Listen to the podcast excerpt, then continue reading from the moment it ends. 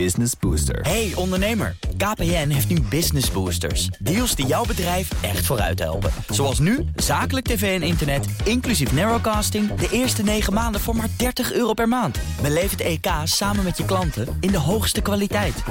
Kijk op kpn.com slash businessbooster. Business Booster. Sinds de coronacrisis reizen de kartonprijzen de pan uit. En dat gaan we merken in de verzendkosten bij webwinkels. Het aantal reizigers in het openbaar vervoer is weer snel aan het toenemen. Maar met 55% zitten we nog lang niet op het oude niveau. En de huizenprijzen en de huren stijgen explosief. Maar daar zie je weinig van terug in het inflatiecijfer. Dus als je denkt alles wordt duurder en toch zeggen ze dat de inflatie laag is, dan klopt dat inderdaad. Maar klopt dat echt? Dit is Nieuwsroom, de dagelijkse podcast van het Financiële Dagblad en BNR Nieuwsradio. Met het nieuws verteld door de journalisten zelf. Ik ben Mark Beekhuis en het is vandaag woensdag 9 juni. Ja, want ik moest meteen denken aan Dr. Anders P. Ja. Had jij dat ook? Nee, nee, maar... Maar je herkent het wel, nu ik het zeg. nu je het zegt, snap ik het wel, maar... Kijk, de Stoker. Laten wij beginnen van het uh, Financieel Dagblad. Hi Mark. We gaan het hebben over karton. Ja, je, Dr. P. heeft over van alles gezongen. Uh, de prijs van karton is hoog. En ook echt in vergelijking met de afgelopen jaren. Hè. Jarenlang daalde die. En ineens, sinds de coronacrisis... Ineens uh, stijl omhoog. zitten de prijzen voor karton, uh, oud karton, oud papier in de lift. Ja. Is het ook echt gewoon puur de crisis, de corona? Um, ja en nee. nee. Het is een samen, samenloop van omstandigheden. Ik denk wat iedereen herkent is dat sinds de coronacrisis uh, er meer pakketjes binnenkomen. Ik weet niet uh, hoe dat Aha. bij jou zit, Mark, maar... Kan het niet ontkennen. Ik wou zeggen NS2 in dit geval dan. ja, precies. Of drie met Lisa erbij. Lisa van der Velde, met wie ik het artikel heb geschreven. Ja, nee, die vandaag ja. helaas vrij heeft. Ja, een goede dag daarvoor. Ja, want haar, het is haar onderwerp, toch? Ja, ik schrijf over industrie en Lisa schrijft over retail. En um, het komt niet heel vaak voor dat we een onderwerp hebben waarvan we denken: hé, hey, dit kunnen we samen oppakken. Maar dit was nou echt zo'n onderwerp bij uitstek waarvan we dachten: hé, hey, ik hoor dit, wat hoor jij? Um, dus nou, dan konden we de krachten bundelen. Dat is altijd ja, leuk. Dus NS3, we hebben allemaal meer pakketjes het afgelopen jaar. Ja, en, uh, nou ja, we hebben en allemaal netjes ingepakt in karton. Allemaal ingepakt in karton. En natuurlijk nagevraagd bij, bij webwinkels. En het ook wel algemeen bekend dat er meer pakketten worden verzonden. Um, nou, zoals gezegd, ik schrijf over industrie en ik um, um, over recyclers ook. En ik kreeg vanuit die sector ook terug van nou ja, uh, in eerste instantie hadden we begin van het jaar uh, wat problemen. Want door de coronacrisis viel, het, uh, een groot deel van het afval weg, minder recyclen. Maar de tweede helft van het jaar hebben we het goed gemaakt, want de prijzen zijn gestegen. En met name oud karton en oud papier is best wel ja, daar zien we wel een flinke, flinke stijging. Dus dat heeft eigenlijk de eerste helft van het jaar goed gemaakt. En toen dachten we, hé, hey, wat is hier dan aan de hand? Uh, komt dat dan echt alleen door dat webwinkelen? Of is er meer aan de hand? En? Er is meer aan de hand. Er is altijd meer aan de hand. Ja, dat is waar. Maar maak het niet te ingewikkeld. Nee, ik wil zeggen, de, de aanloop is wel echt de, de, de, het, het, het webwinkelen en het alles verzenden in karton. Maar tegelijkertijd zie je uh, nou, we hadden ook een grafiekje bij het, uh, bij het stuk staan. En daarin zie je dat de prijzen uh, eigenlijk al jarenlang daalden. En daardoor zijn er zijn, papierfabrieken gaan saneren. Dus er is minder capaciteit. Um, tegelijkertijd is in een aantal landen vanwege de coronacrisis, toch ook die coronacrisis, minder oud papier ingezameld. Of helemaal geen papier oh ja. ingezameld. Ja, dat is hier ook. Ja, en, en in landen als Spanje, Italië, Frankrijk heeft dat ook stilgelegen. Omdat mensen, ja, het was niet duidelijk wat het besmettingsgevaar ervan zou zijn. Dus dat ja, is, is niet terechtgekomen, in, uh, niet terechtgekomen bij de oud papierfabrieken, zullen we maar zeggen. Um, dus er is gewoon minder aanbod en meer vraag. En dan, ja, dan kom je toch uit bij het uh, klassieke economisch model. Dan gaan, ja, de prijzen dan gaan de prijzen omhoog. Ja. Uh, wat kost karton nu? Heb je daar een uh, prijs voor? Ik weet niet eens wat de eenheid van karton is. Gaat dat per kilo? Het gaat per, per ton. Per ton, um, ja, dat is een duizend kilo. En de prijs die de um, papierfabrieken nu voor oud karton betalen, of in april. Uh, dus dat, zij betalen dat dan aan de handelaar die het inzamelt. Aha. Ja, hm. Dat was in Nederland eh, rond de 155 euro. Eh, in Europa ligt het nog eh, 20 euro hoger per 1000 kilo. Aha. Eh, nou, als je het met eh, nou ja, februari, maart eh, vorig jaar vergelijkt, toen was het eh 30 euro. Dus dat is, Vijf keer zo duur. ja, dat is een flinke stijging, ja. Ja. ja. Daar hebben natuurlijk al die webwinkels last van. Denk Ja. ik dan. Want die kopen het karton in. Die gaat, dat, dat gaat er waarschijnlijk per, inderdaad per ton doorheen. Over, door die enorme machines. Ja, voor die, voor die ene consument die een keer een pakje wil verzenden, zal, zal deze fluctuatie niet zo heel veel, eh, niet zo heel veel eh, ehm, nou ja, last Ja. geven. Maar ja, als je duizenden pakketjes per, eh, Ja, per maand, minuut soms per wel. Minuut, ja, verzendt, dan, dan tikt dat natuurlijk flink aan. Ehm, we hebben ook met PostNL daarover gesproken. Zij leveren vooral voor zakelijke klanten ook, ook het karton. En zij geven ook aan dat, ja, dat, dat eh, het verpakkingsmateriaal heel erg duur is. Dat geldt niet alleen voor karton. Ze zien dit ook bij bijvoorbeeld plastic en tape en ehm, eh, eh, folie. Die prijzen Die lopen bubbelfolies en zo. Dat Waar je zo heerlijk mee kan op. spelen. Ja, Ja. Dat is allemaal duur aan het worden. Allemaal duur aan het worden. Ja, we hoorden dat de economie in een rap tempo aan het aantrekken is. Maar dat betekent ook altijd hogere prijzen. Dat hoort hierbij. En, en, en het is ja, een, een giftige cocktail, noemt een van de, de mensen die wij het hebben gesproken. Maar als je het allemaal bij elkaar eh, eh, eh, naast elkaar neerzet, zou je het zo kunnen noemen. Of je zou een perfecte Ja. storm op de kartonmarkt of zo kunnen noemen. Je moet het niet kleiner maken dan het is. Dat vind ik ook. Wat nog wel opvallend is, is dat een aantal webshops wel zeggen dat ze de ehm, hogere prijzen voor karton ook wel daadwerkelijk gaan doorberekenen aan de consument. Oh, serieus? Ehm, en dat, wat kost dat dan voor, voor mij als ik gewoon één pakje laat bezorgen? Nou ja, ik weet niet of je, of je nu weet wat je voor karton betaalt. Nee, geen idee. Maar nu zit het allemaal natuurlijk in die eh, verzendkosten. Ja, servicekosten of bij de prijs inbegrepen. Eh, Ja, precies. Het zit ergens of rechtsom eh, komt het waarschijnlijk toch bij jou terecht, Mark. Ja, ja. Daar vrees ik ook altijd voor. Maar weet je hoeveel duurder dat gaat worden? Ehm, nou, we hebben, we hebben nu een aantal mensen gesproken die zeggen... we gaan het wel doorberekenen. Maar als je dan vraagt hoeveel dat is... dan krijg je een antwoord dat dat natuurlijk afhankelijk is... van de hoeveelheid karton die er gebruikt moet worden voor het pakket. En dat ze daar nog eh, aan, Mm. over aan het nadenken zijn hoe dat kan. Eh, de verwachting is wel dat de prijzen hoog blijven. Ehm, zeker ook in de tweede helft van het jaar. Dus dit kan nog wel eens een staartje krijgen. Maar dat gaat waarschijnlijk om hooguit een paar dubbeltjes. Ja. Voor jou als consument zal dat om een paar dubbeltjes gaan. Caitlin Stoker, dankjewel. Dankjewel, Mark. Dan pak ik even mijn e-mail erbij. eh Diederik de Groot van BNR. Hallo trouwens. Hallo. Want ik zag net dat het eh, ANP een alertje had gestuurd. BNR, dubbele punt. Reizigers in hoog tempo terug in openbaar vervoer. Dus daar is het opgepikt. Dat hebben ze goed overgenomen, zeg. Ja. nou, ook met, netjes met bronvermelding. Dat doet het dat weet, natuurlijk altijd goed. ik. Ik had het al gezien hoor. Maar, dat heb jij toch mooi boven water gekregen. Dat we met z'n allen weer met de metro, de trein en de bus zijn gegaan. Ja, dan laat, ik het niet groter maken dan het is qua hoe diepgravend onderzoek je daarvoor moet doen. Maar je moet wel even op het idee komen om het natuurlijk aan de OV-branche te vragen. Ja. Ehm, dus dat heb ik, en collega Niels eh Kruijs hebben dat gedaan. Eh, en 55% inderdaad is alweer terug in het OV. En dat is dan 55% ten opzichte van wat het was voor corona.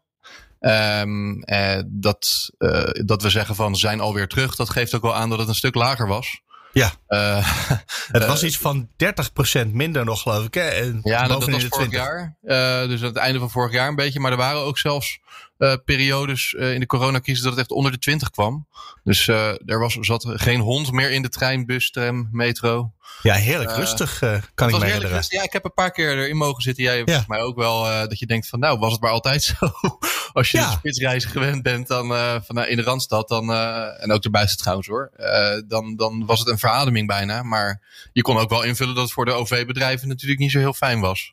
Nee, het leek mij eh, geen, eh, houdend, eh, geen houdbare toestand. Maar als reiziger eh, was ik een groot fan Ja, van de. Want Ik heb eh, eh, onlangs ook wel weer wat regelmatiger. Dus ik merk het ook aan mezelf dat ik weer terugkeer in het OV. Maar heb ik van de trein gebruik gemaakt in dit geval. Oh, en ook van de bus. En nog steeds vind ik het wel gewoon, nou, relaxed. Het is wel drukker, dat zie je ook, ja. dat merk je ook. En het is niet meer zo dat in de trein, zeg maar in een coupé, uh, alle twee zitters helemaal vrij zijn voor jezelf. Uh, dat je er eentje kan uitkiezen. Soms moet je, moest je weer eens naast iemand gaan zitten. Dat was, uh, dat was weer nieuw. Maar het is net niet dat opgejaagde drukke gevoel wat ik altijd daarvoor wel in de spits had. Dat je soms, nou ja, ik, ik, ik stapte dan wel eens over op station Amsterdam-Zuid. Dat zullen sommige luisteraars ook wel ja. kennen, dan denk ik, nou, daar, daar heb ik ook wel eens gewoon een trein moeten missen omdat hij te vol zat. Dat is nu natuurlijk echt ondenkbaar. Dat, uh, er, moet je heel, er moet iets heel geks gebeuren, wil dat nog uh, in deze periode voorkomen. Dat je überhaupt zal... niet op het balkon kan staan. Nee, nee gewoon dat, ze, dat gewoon de deuren anders niet meer dicht konden als ja. ik er nog bij was gegaan. uh, maar de OV-branche verwacht einde dit jaar, of hoopt eigenlijk, op 70 tot 80 procent van die normale bezetting te zitten. Dus dat gaan we voorlopig, dat soort ellende uh, gaan we in ieder geval, dat wordt geen algemeen beeld meer. Het kan natuurlijk altijd weer een keer voorkomen als er een trein uitvalt en dan iedereen in één Ja, natuurlijk. En, uh, weet ik ja. wat. Maar uh, ja. En weet je ook of het vooral de forensen zijn die weer vaker reizen? Of dat het de mensen zijn die gezellig een dagje naar het museum gaan? Want dat kan nu weer. Hè, dat soort zaken. Ik, ik, dat uh, is niet uitgesplitst in cijfers of wat dan ook. Maar mijn vermoeden is wel beide. Want je ziet ook dat, uh, en dat is, dat is ook gewoon wel nieuws geweest, dat mensen minder thuiswerken.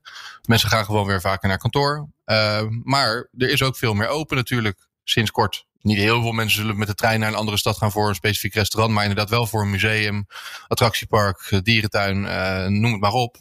Uh, dat zorgt natuurlijk in hele, uh, nou in sneltreinvaart, haha, uh, ervoor dat de ja. mensen, weer, er mensen weer behoefte hebben om van het openbaar vervoer gebruik te maken als dat allemaal ineens open gaat. En dat zal de komende tijd natuurlijk meer worden. Dus kan je verwachten dat op, op die korte termijn ook steeds meer reizigers het OV weer, weer weten te vinden? De OV-bedrijven die hadden het moeilijk, dat zei je net zelf al, ook vooral financieel werden ja. enorm bijgestaan door uh, het Rijk, net zoals alle bedrijven, uh, om hun netwerken overeind te kunnen houden. Betekent dat ook dat die penibele situatie nu langzaam weer verdwijnt? Of is dat toch nog, uh, ja, blijft dat lastig? Ja, dat blijft natuurlijk wel lastig. Want nou, de OV-sector heeft over de volle breedte dit jaar 10% af moeten schalen vanwege de financiële ellende. De overheid die vergoedt wel een hoop, maar net niet alles. En dat net niet alles, dat is toch nog wel veel geld. Um, dus is er gesneden. En nou ja, als er natuurlijk 50% of 55% nu terugkomt, dan um, merk je ook niet zo heel veel van het snijden. Want uh, dan maakt het niet zoveel uit als er in plaats van vijf bussen, uh, uh, nou ja, of ik bedoel eigenlijk tien bussen in een uur negen gaan rijden. Ja. Die zitten dan ook niet allemaal helemaal propvol. en wat ook wordt gezegd, die steun die gaat nog wel even door. Uh, en er kan ook niet zo heel veel meer meer af. Dus uh, dat, dat is ook niet wat de OV-sector verwacht te moeten doen. En er wordt natuurlijk gewoon gehoopt dat over een tijdje iedereen weer terug is. En dat dat zelfs nog door gaat groeien. Want uh, even in herinnering roepen, voor corona. Ja. Was, we, bespraken net al die ellende van de drukte. Maar er, er, was de verwachting dat het nog extreem toe zou nemen. Dus het was al veel te druk op veel plekken. En er zou nog veel meer bij komen. Nou, die verwachting is natuurlijk niet in één keer helemaal van de baan. Doe niet iedereen gaat ineens thuiswerken. Het is niet dat, er een, dat de maatschappij totaal anders uh, uit corona komt. Dus die reiziger zal op een gegeven moment echt wel weer terugkomen. En als je dan nog meer af gaat schalen dan al die 10% wat al was gebeurd. Wat nooit was voorzien en nooit was gebeurd, denk ik ook, als corona niet was gekomen. Dat nee. is ondenkbaar dat we af gingen schalen. Er moest veel meer bij. We moesten overal bewijzen van iedereen een spoorlijn in de achtertuin. En uh, uh, dus meer eraf dat gaat niet gebeuren. Ja. ja. ik ben op zich wel voor allerlei dingen in de achtertuin, maar spoorlijn... Nou, ik heb bijna Mark, want jij kan op de webcam uh, zie je mij, de luisteraar niet. Maar als ik hier achter mij daar uit het raam kijk, zie ik een spoorlijn lopen. Maar mijn huis ja, als je zo... die bomen omhangt, dan kan ik de treinen voorbij zien komen? Ja, alleen mijn huis is zo goed geïsoleerd dat als, je niet, als, je, nou, als ik slechtziend zou zijn, dan zou ik het niet weten. Dus het kan best. Oké. Okay. Nou, dat is dan beter dan de vliegtuigen die hier overkomen. ik wil nou geen spoorlijn in je achtertuin aanpraten. Nee, maar, nee, ik ben voor. Ik, ben, uh, ik, ik, ga zo overleggen met de buren. ik wou iets anders vragen, maar daar ben je, heb je me wel een beetje afgeleid ja. uh, van die gedachte. Ik doe mijn best. Ja, um, nou, uit, wij komen dus uit onszelf nu al langzaam wel weer terug in het OV. Maar er komt ook een grote campagne om ons te helpen herinneren dat het überhaupt bestaat, hè? Ja, je kan er zo meteen niet meer omheen als ik Pedro Peters zo uh, beluister. Wie is dat ook weer? Dat is de baas van de, de, de branchevereniging? Van de branchevereniging van uh, OV-bedrijven van OVNL. En um, hij, hij, is heel goed in het verkopen al van de campagne die er nog aankomt. Uh, vanaf 23 juni. Iedereen weer terug in het OV. Het OV is oké, okay, sloot hij het geloof ik mee af. dus, nou, ja. Hij is de campagne al begonnen. hij is de campagne al begonnen bij ons. nou ja, ik, ik, denk dat het wel... Um, ja, zou het aanslaan, zouden mensen daardoor terug in het OV gaan? Ik, ik zelf nam het OV gewoon omdat ik het gewoon nodig had. Aan de andere kant, er zijn, de reden dat uh, heel veel mensen nu nog niet in het OV terug zijn gekeerd, is wel, dat is dan wat we horen, omdat ze het vervelend vinden om op uh, drukke plekken of plekken die verwacht druk te zijn te komen nog steeds. Dat is natuurlijk wel even weer een gewenning ja. uh, voor veel mensen. En als dan iemand, een hele vriendelijke man, misschien doet Pedro Peters het zelf wel, die is heel vriendelijk hoor, uh, zegt dat het OV helemaal oké okay is en veilig en iedereen is weer welkom, kom weer terug. Dat dat dan toch bij sommige mensen denkt, dat is waar, het kan weer. Want uh, het kan namelijk weer, dat is al een paar weken zo, dat uh, mensen weer worden uitgenodigd om uh, met het OV te reizen. Terwijl eerst het advies was reis alleen met het OV als het noodzakelijk was. Dat is er nu niet meer. Um, maar dat moet je natuurlijk nog wel even net hebben meegekregen. Want ik heb het ook pas ja. gezien toen ik er op googelde. dus misschien hebben heel veel mensen nog wel die indruk dat je alleen maar met het OV moet reizen als het noodzakelijk is. Terwijl dat dus niet meer zo is. En daar kan zo'n campagne wel bij helpen. Ja, ik ben ook heel benieuwd wat ze gaan doen. Of ze dan posters in bushaltes gaan ophangen. Ik denk gewoon heel vaak het OV is oké okay, uh, roepen. Of gewoon in interviews op radio en televisie. Ja, ja, of, ja. ja nou, Pedro Peters zei inderdaad, radio, tv, uh, overal kranten gaan we het zien. Dus het, ze gaan groot uitpakken blijkbaar. Om ons te overtuigen dat we terug kunnen in de bus en in de trein, de metro, de tram. Hebben we nog meer openbaar vervoer? De pont. De, de trolley, de pont, de taxi misschien ook nog wel. Ja, alles. Alles. Welkom. Het OV is oké, okay, Diederik. Dankjewel, Mark. Dankjewel. Hallo, Daan Ballageer. Dag, Mark. We gaan het hebben over inflatie. Dat is een uh, lekker hot topic. En we gaan het hebben over huizenprijzen. Ook een hm. mooi hot topic. En die hebben minder met elkaar te maken dan je zo op het eerste gezicht zou denken. Vat ik het zo heel goed samen?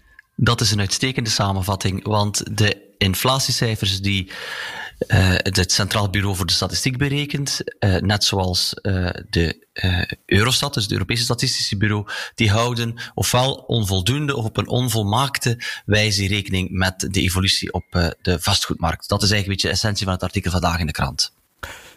En je bent op zoek gegaan naar waarom economen die die hele hoge prijsstijgingen van huizen, die je toch in de inflatie terug zou verwachten te zien, waarom mm. ze dat eruit laten ja. Is dat simpel uit te leggen waarom ze dat doen? Dat is met één woord uit te leggen, Mark. Methodologie. want, uh, gewoon keuzes die ze gemaakt hebben toevallig. Absoluut, want statistici die zien de aankoop van een huis niet als consumptie, maar als een investering. En ja, inflatie, dat is de consumentenprijsindex. Dus dat gaat Aha. over wat voor uitgaven doe ik uh, aan een... Um, uh, aan, aan, aan, aan, appels, aan vaatwasmiddel. Ja. Sommige investeringen worden wel meer als consumptie gezien. Uh, ik denk, geloof ik, een auto bijvoorbeeld wordt toch, uh, je die dagelijks uh, gebruikt en je bent er ook onderhoud en kosten, die zitten op die manier er wel in. Maar een huis wordt echt gezien als een investering. En daarom vinden statistici, hoort dat niet thuis in die consumentenprijsindex. Nou, je denkt bij die inflatie altijd, het gaat over, kan ik alles nog betalen? Als alles 2% duurder wordt en de lonen gaan 2% omhoog, niks aan de hand. Ja, maar dat is niet waar. het heeft de kopkracht aan. En, ja, maar niet voor... dus. Want ik kan wel appels kopen, evenveel als vorig jaar. Maar ik kan niet evenveel huis kopen als vorig jaar. Ja, uh, het gaat er meer over wat betaal ik in mijn uitgaven aan huisvesting. En eh, voor een huurder, eh, zoals eh, ikzelf, is dat heel eenvoudig. Wat ik maandelijks kwijt ben aan mijn huurbaas en wat dat per jaar qua prijsontwikkeling betekent, dat, dat zie ik, omdat ik het dagelijks uitgeef. Ja. Je kan zeggen dat iemand die een huis heeft gekocht, dat afbetaalt, die betaalt een hypotheek af. Je zou kunnen zeggen dat is een soort fictieve, een soort huur aan jezelf. Maar zo eenvoudig is het ook niet. Dus wat de rekenmeesters doen, is zij kijken voor mensen die een huis hebben gekocht, wat ze zouden betalen aan huur voor een vergelijkbare woning. Ja, en dat brengen ze dan in, in rekening. En maar dat onderschat dus volgens een studie van economen van het eh, CBS uh, de werkelijke inflatie.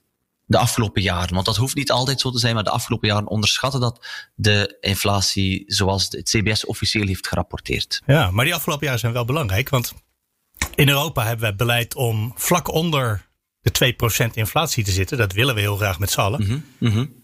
En die is in praktijk soms wel 0% zo'n beetje. Terwijl, wat lees ik nou? Als je nou die huizenprijzen meetekent, meerekent, dan kom je op uh, misschien wel 1,4%. Dan zit je ja. ineens veel dichter in de buurt van wat we eigenlijk wilden. Dus het is wel, uh, als je die huizenprijzen meerekent. En ik betaal die hypotheek echt hoor. Dat is misschien wel investering, maar het voelt voor mij als een consumptie. Zeker aan het eind van de rit heb je wel een woning, wat je bij een huursituatie niet hebt. Hè. Dus in die zin is het echt wel belangrijk om het onderscheid te maken. Twee dingen wat over wat je net zei. Het eerste is dat de inflatie op dit moment wel degelijk in de buurt eh, ligt van eh, de doelstelling van de Europese Centrale Bank. Eh, van dichtbij maar minder dan 2%. Voor Nederland was die in mei 2,1%. En dat is simpelweg omdat er ja, basiseffecten zijn. Vorig jaar, omwille van de crisis, waren de prijzen een beetje uit het lood geslagen. De benzineprijzen zijn nu ook hoger. Er zijn tijdelijke factoren van schaarste eh, door het economisch herstel. Maar dus langdurig, wat je zei, ligt het inflatiegetal een stuk onder de doelstelling van de ECB al jaren. En uh, toen je zei dat de cijfers over het huizenbezit op Europees niveau uh, dus ja, blijkbaar niet goed in rekening gebracht worden, dan kan ik daaraan toevoegen dat ze eigenlijk niet in de rekening gebracht worden, want de Europese Centrale oh, Bank Kijk naar een maatstaf die Eurostat samenstelt, het Europees Statistisch Bureau, en die berekent het op een andere manier dan de consumentenprijsindex van het CBS. Dus waar het eh, CBS nog altijd rekening houdt met wat voor huur zou je betalen voor een vergelijkbare woning in het geval je een woning bezit, kijkt Eurostat eigenlijk enkel naar huurders. Dus die laten. Uh, oh, die zijn nog wat strikter in de leer met hun uh, methodologie. Ja, en, en en bovendien uh, is het gewicht van de woninguitgaven daar nog een stuk lager in de index. Ik denk dat het, uh, als ik het me goed herinner, dat het 6,5% is dat daar. Ja, inderdaad. 6,5% maak ik de woningkosten uit van de totale uitgaven. Ik weet niet hoe het bij jou zit, maar bij mij is het een stuk meer van mijn eigen persoonlijke mandje dat ik kwijt ben aan mijn huisvesting. Dus als serieus, op welke planeet leven die economen uit Europa? Of is het misschien in Bulgarije wel zo? Dat je voor 6% van je inkomen je huur kan betalen? Vastgoedmarkten zijn notoir verschillend tussen uh, Europese landen. Dus uh, ze moeten daar ergens een pijl op trekken.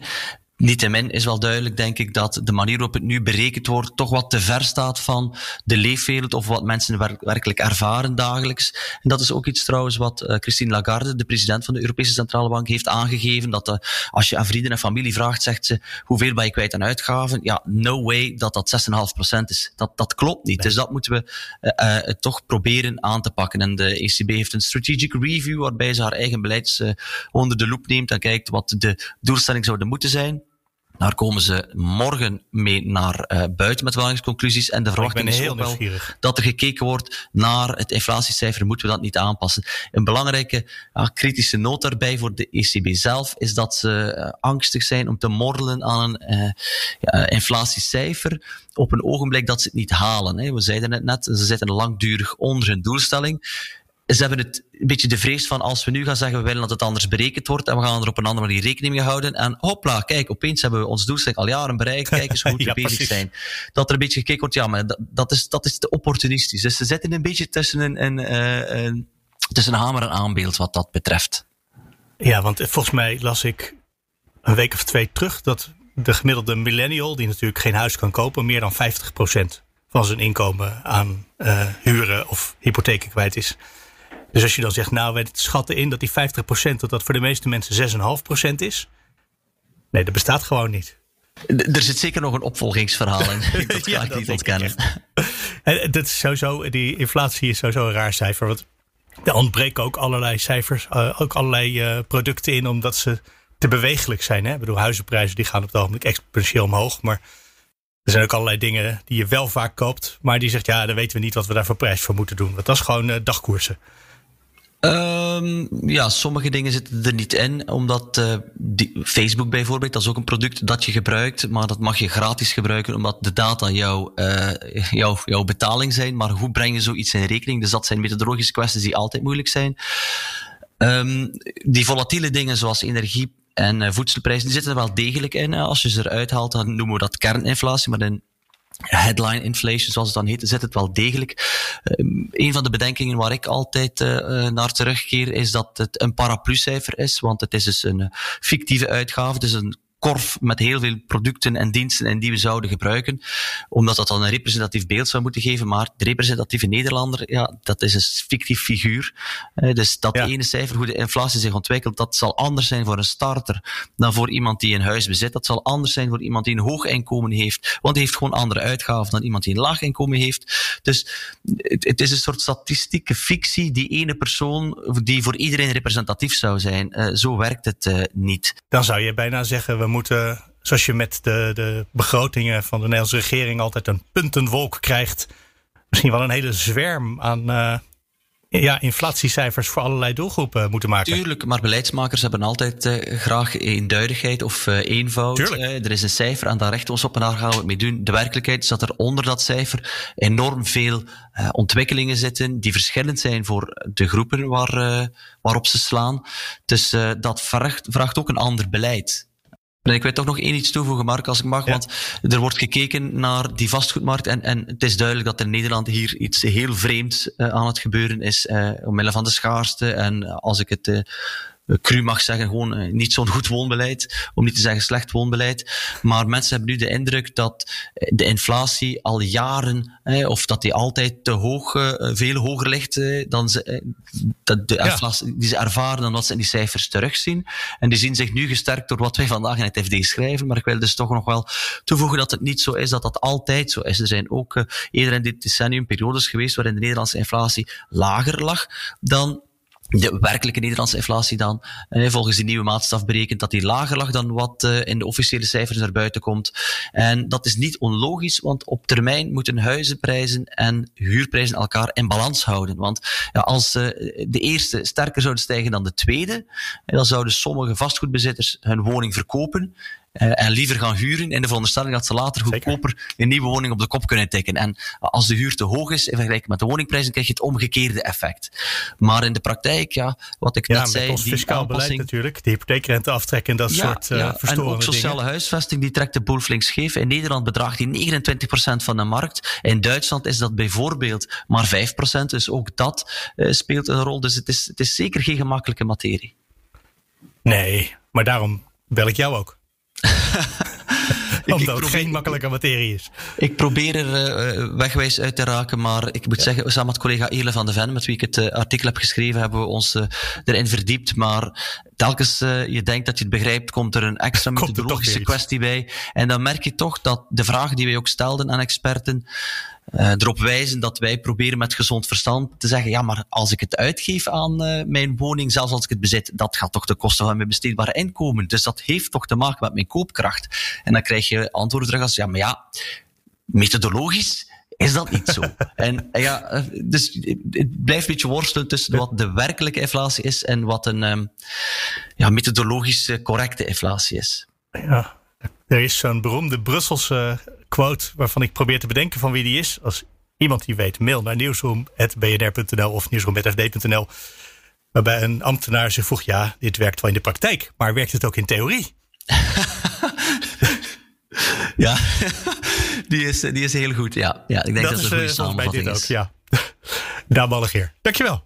Tot genoegen. Misschien wil je reageren. Dat kan natuurlijk altijd. Mail naar nieuwsroom.bnr.nl of nieuwsroom.fd.nl. En dat deed bijvoorbeeld Wim. Wim stuurt wel vaker mails, vaak creatieve ideeën met hele lange toelichtingen over hoe het zou moeten werken.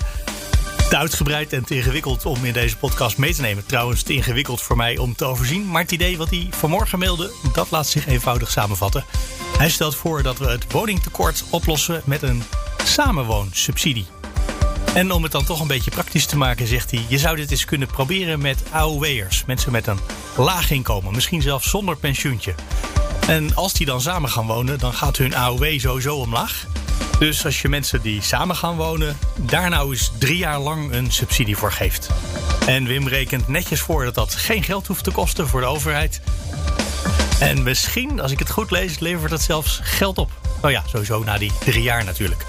Wil je ook reageren? Mail dan naar nieuwsroom.bnr.nl of nieuwsroom.fd.nl. Dan zijn we er morgen weer met een nieuwe aflevering van Nieuwsroom. Dus heel graag tot morgen.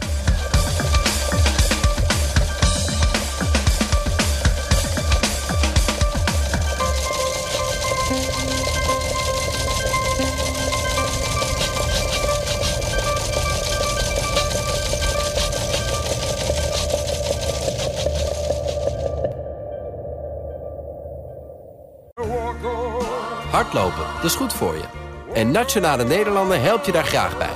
Bijvoorbeeld met onze digitale NN Running Coach... die antwoord geeft op al je hardloopvragen. Dus, kom ook in beweging. Onze support heb je. Kijk op nn.nl slash hardlopen.